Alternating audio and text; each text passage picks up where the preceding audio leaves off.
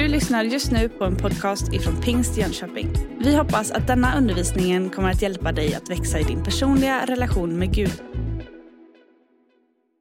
Herre, vi tackar dig för att vi får samlas i ditt namn, inför ditt ansikte och med ditt ord. Nu ber vi dig att tron ska få ta plats i våra liv. Att din kraft ska fylla oss med din närvaro. Och vi ber dig att ditt ord ska få bli levande för oss när vi öppnar det idag. Amen. Hemma hos oss har vi firat student. Och eh, det är ju en tid med massa bubblande känslor. Lite vemod för det man lämnar men framför allt liksom all den längtan och förväntan inför det man går in mot. Och kanske allra mest just de här äh, händelserna. Det där bubblande. Eh, och alla som har följt eh, media och eh, saker och ting den senaste tiden vet ju att de som har firat student i år, de kommer ju gå till världshistorien som den generationen som firade student under corona. Lite speciellt. Men ändå så kommer man hem där med de här bubblande känslorna. Och även om du inte har firat student så kan du säkert referera till händelser i ditt liv när något alldeles extraordinärt, något väldigt fantastiskt har hänt. Hur du vill berätta om det. Den där eh, lottovinsten, det där nya jobbet du längtat efter, den där förälskelsen som överöser dig. Eller varför inte? Mötet med Jesus. Uppfyllelsen av anden. Den där händelsen, den där erfarenheten som lever i dig, som lever i mig och som får oss i rörelse att berätta om det vi har varit med om. Det ska vi samtala med varandra om här idag. Eh, och rubriken för eh, den här predikan är Ni ska vittna om mig. Det är ett Jesusord som vi hämtar ifrån Apostlagärningarna, det första kapitlet. Och vi läser texten. Men ni ska få kraft när den helige anden kommer över er. Och ni ska vittna om mig i Jerusalem, i hela Judeen och Samarien och ända till jordens yttersta gräns. Vi är ju lite i en eh, serie här efter pingst där vi talar om det första kapitlet i eh, Apostlagärningarna. Hur Jesus utlovar anden och hur kraften ska komma över. Och hur den kraften, det mötet med Gud gör någonting med lärjungarnas rörelse. Deras sätt att möta världen och hur det präglar hela livet. Det första jag skulle vilja säga utifrån den här texten eh, det är just det här att vi ska vittna om honom. Ibland blir det som att eh, det är vi som spelar huvudrollen i Guds berättelse. Och det är väl roligt att få vara liksom med och göra nytta och känna att man betyder någonting. Men i evangelieberättelsen så är det alltid Gud som har initiativet. I lite olika bibelöversättningar så benämner man det här på olika sätt. I den jag läste här så står det ni ska vittna om mig. I någon annan så står det ni ska bli mina vittnen. Återkommande i bibeltexterna så spelar Gud huvudrollen. Det är Gud som är initiativtagaren och den primära aktören i evangeliets berättelse och evangeliets spridning. Vi ser det där gång på gång. Hur Gud är den som söker upp, tar initiativ och sätter saker i rörelse. Sen kommer människor med. Sen kommer människor att vara med. Men det är, det är liksom utifrån Guds aktivitet. I Johannes evangeliet, det tredje kapitlet, den sextonde versen så står det att Gud älskar världen så mycket att han sände sin enda son. Gud tar initiativet. Han sitter inte i sin himmel och väntar på att vi ska komma på att vi behöver honom. Han tar initiativet. Han söker upp. I Johannes kapitel 15 så får vi tre på varann följande berättelser. Om hur någon äger någonting, har något i sin närhet och så förloras det. Någon har hundra får. Ett springer bort. Någon har tio mynt. Ett tappas bort. Någon har två söner. En går bort. Men Gud i den här berättelsen är alltid den som söker, letar, spejar, har initiativet. Gud har initiativet. Och därför är det inte konstigt att vi i Markus evangeliet det tionde kapitlet och den 45 versen säger Människosonen har kommit för att tjäna och ge sitt liv. Alltså det är Gud som är aktören. Det är Gud som är initiativtagaren. Och vi, vi inkluderas i det här. Frälsningen är Guds, men vi får vara med. Det är inte vi som hittar på storyn.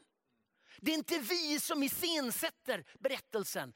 Men vi lyfts in i Guds berättelse och i Guds handlande. Vi får vara hans vittnen. Du behöver inte hitta på din berättelse. Du behöver bara möta den levande. Han som har hela världen och ditt liv i sin hand. Och som involverar dig och mig i sin berättelse. Ni ska bli mina vittnen har ju mina och vittnen. Och där kommer vi till den andra saken. Alltså, vi är i första hand vittnen. Jag jobbar ju som eh, lärare och forskare och skribent och, och jag hittar på massa grejer. Jag skriver grejer och försöker liksom strukturera och stapla så här. Jag, men i mötet med evangeliet, då är det inte vi som försöker liksom strukturera berättelsen. Utan där är kärnan. Någonting har hänt med oss, i oss, kring oss, för oss. Som vi får berätta om. Vi är hans vittnen. Vi är inte hans advokater. Vi är framförallt inte hans domare och vi är inte Guds upprätts, eh, upp, eh, upphov, eh, vad heter det? Upphovsrättsägare. Nej, vi är vittnen. Vi är vittnen. Och vad gör ett vittne? Ja, den berättar om någonting den har varit med om. Återkommande i bibelberättelserna så ser vi hur det här händer. Vi har en fantastisk berättelse i det fjärde kapitlet i Johannes evangeliet. Jesus är på genomresa i ett område där han normalt inte uppehöll sig och där han som judisk man förmodligen inte borde vara. I en situation där han definitivt inte borde vara. I ett ensamt möte med en kvinna vid brunnen mitt på dagen. Och där uppstår ett samtal som eh, vidgar hennes värld som fördjupar hennes liv, som möter hennes törst och som sätter henne i rörelse. Och när hon ska berätta om det här, då säger han, jag har mött någon. Och nu var det inte på det sätt som hon kanske tidigare hade mött någon. Nu var det något helt annat. Och den här kvinnan som utifrån den berättelsen vi kan tänka oss hade en utsatt position i den tidens samhälle. Hon blev nu mittpunkten i hela samhällets rörelse. För nu ville andra se och höra det hon berättade om att hon hade varit med om. Hon var ett vittne. Att vittna.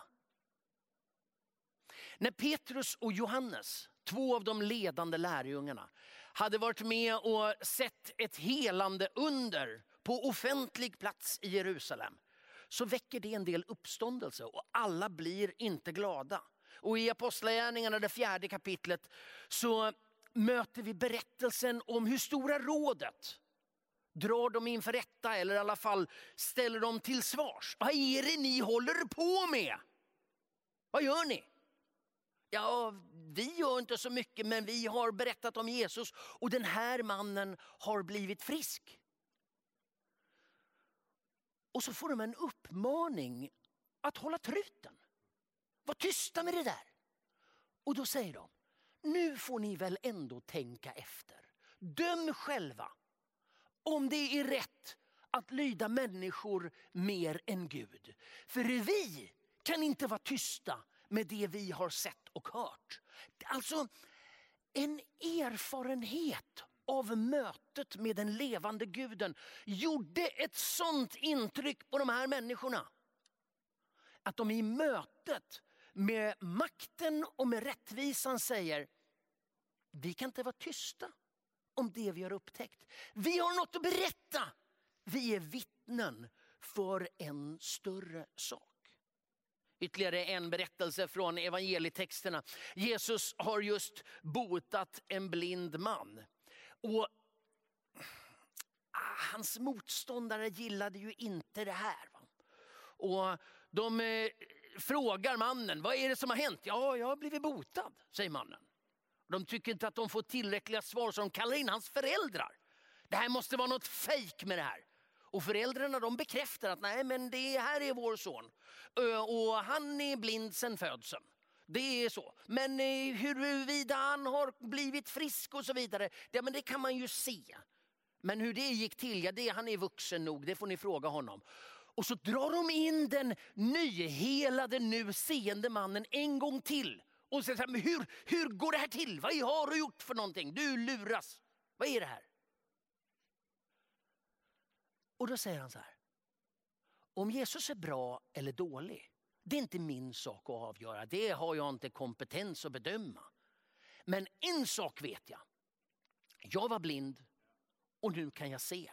Jag har varit med om någonting som har förändrat mitt liv. Ögonen har öppnats och det kan ingen ta ifrån mig och det kommer jag att berätta om. Att bli hans vittnen. Vad gör vittnen? Ja, vittnen bekräftar ju verkligheten. Vi har just passerat pingsttiden, kanske den eh, mest bröllopstäta perioden under året. Och i år så är det ju många som med sorg har fått ställa in eller ställa om eller skruva till eller fixa. I flera fall så har man ju plockat bort hela offentligheten. Men man har ändå velat gifta sig. Vad gör man då? Ja, då måste man ha vittnen. Det måste finnas någon utöver brudparet som säger, jo, det här har skett. Vittnen bekräftar sanningen, bekräftar verkligheten. Vittnen i en rättegång, vad gör de? Ja, men deras uppgift är ju inte att bedöma skuld. Det är juryn och domarna och hela maskineriet. Vittnenas uppgift är att berätta. Det här såg jag. Det här var jag med om. Så här uppfattade jag det. Vi har just i dagarna eh, fått någon slags slutpunkt i ett 34-årigt rättsfall i vårt land. Eh, mordet på statsminister Olof Palme. Massa vittnen har hörts. Ja, jag såg det här. Ja, han såg skum ut. Och så berättar man vad man har sett och vad man har hört. Och sen är det andras uppgift att lägga de här berättelserna så här. Min uppgift som vittne, det är att berätta vad jag har sett och vad jag har hört. Att vara vittne, det är att dela sina erfarenheter.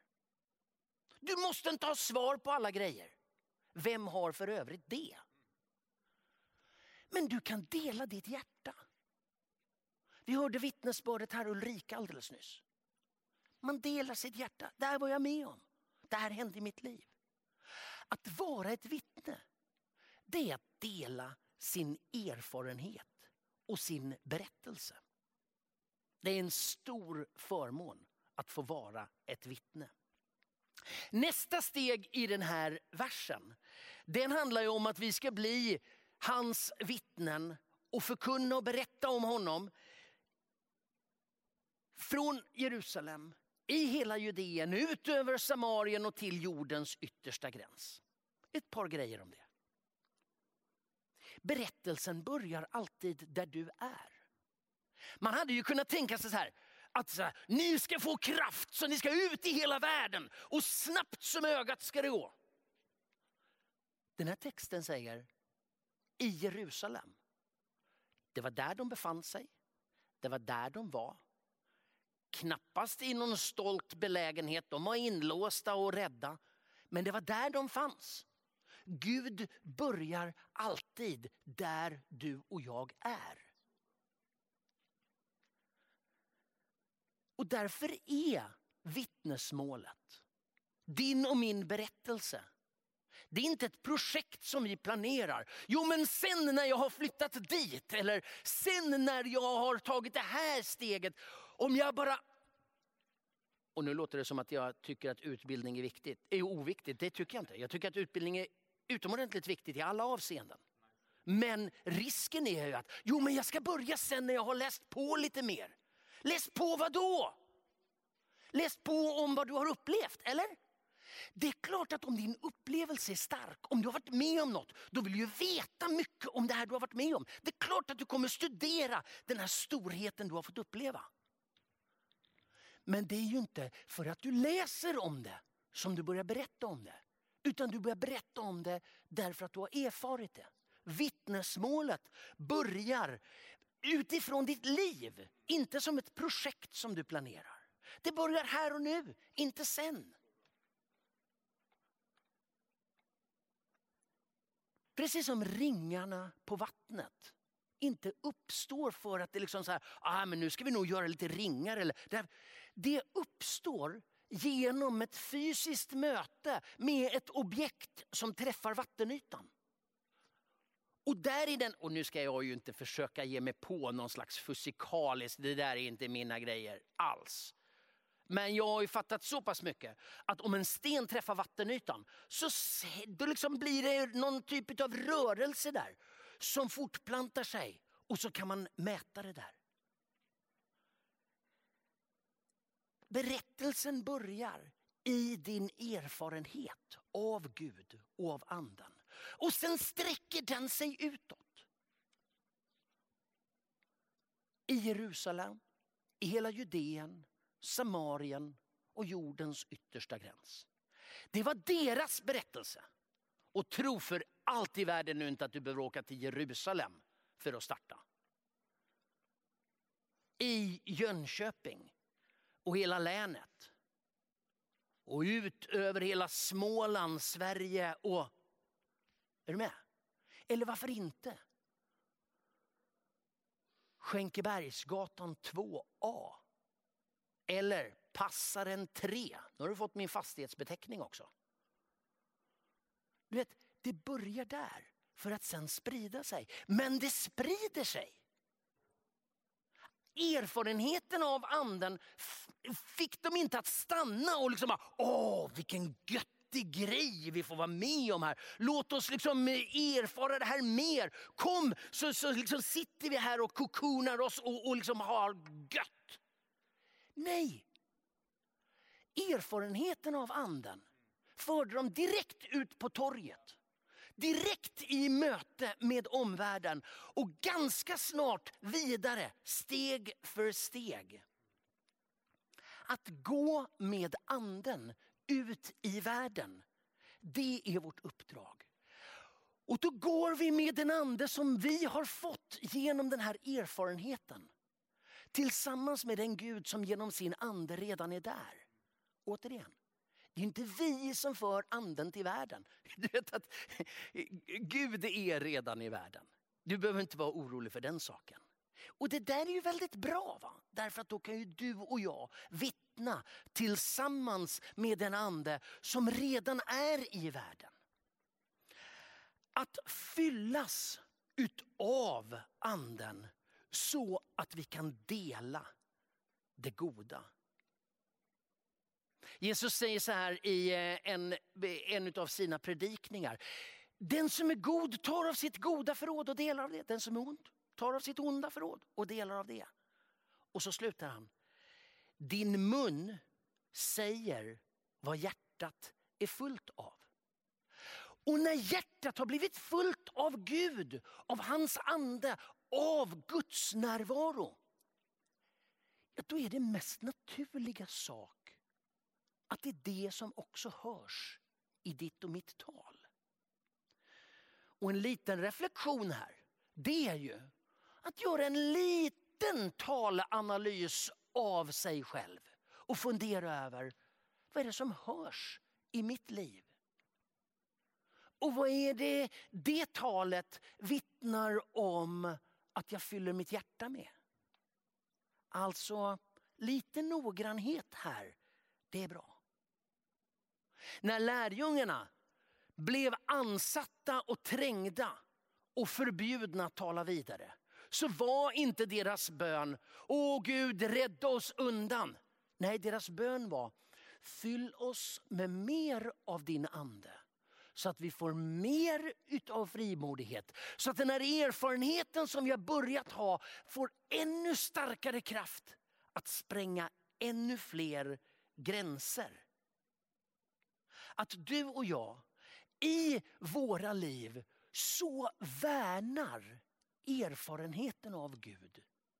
Så att det blir det naturliga innehållet i ditt och mitt samtal. Och här skulle jag vilja slå ett slag för det goda andliga samtalet. Dela livet med varandra. När du sitter i sommarbärson och äter jordgubbar. Prata förstås om solen och värmen och badet. Men prata också om erfarenheterna av vem Gud är. Allt det här det bygger på att du och jag har något att berätta om. Och här ska jag sluta min predikan. När Jesus på högtidens sista dag, står det. När de hade pratat om att fyllas av vatten och vattenflöde. Så säger han, den som är törstig, kom till mig och drick. När du och jag ska ha något att dela så bygger det på att du och jag har öppnat oss för Jesus, Guds närvaro och Andens liv i våra liv. Och det vill jag inbjuda dig till här idag.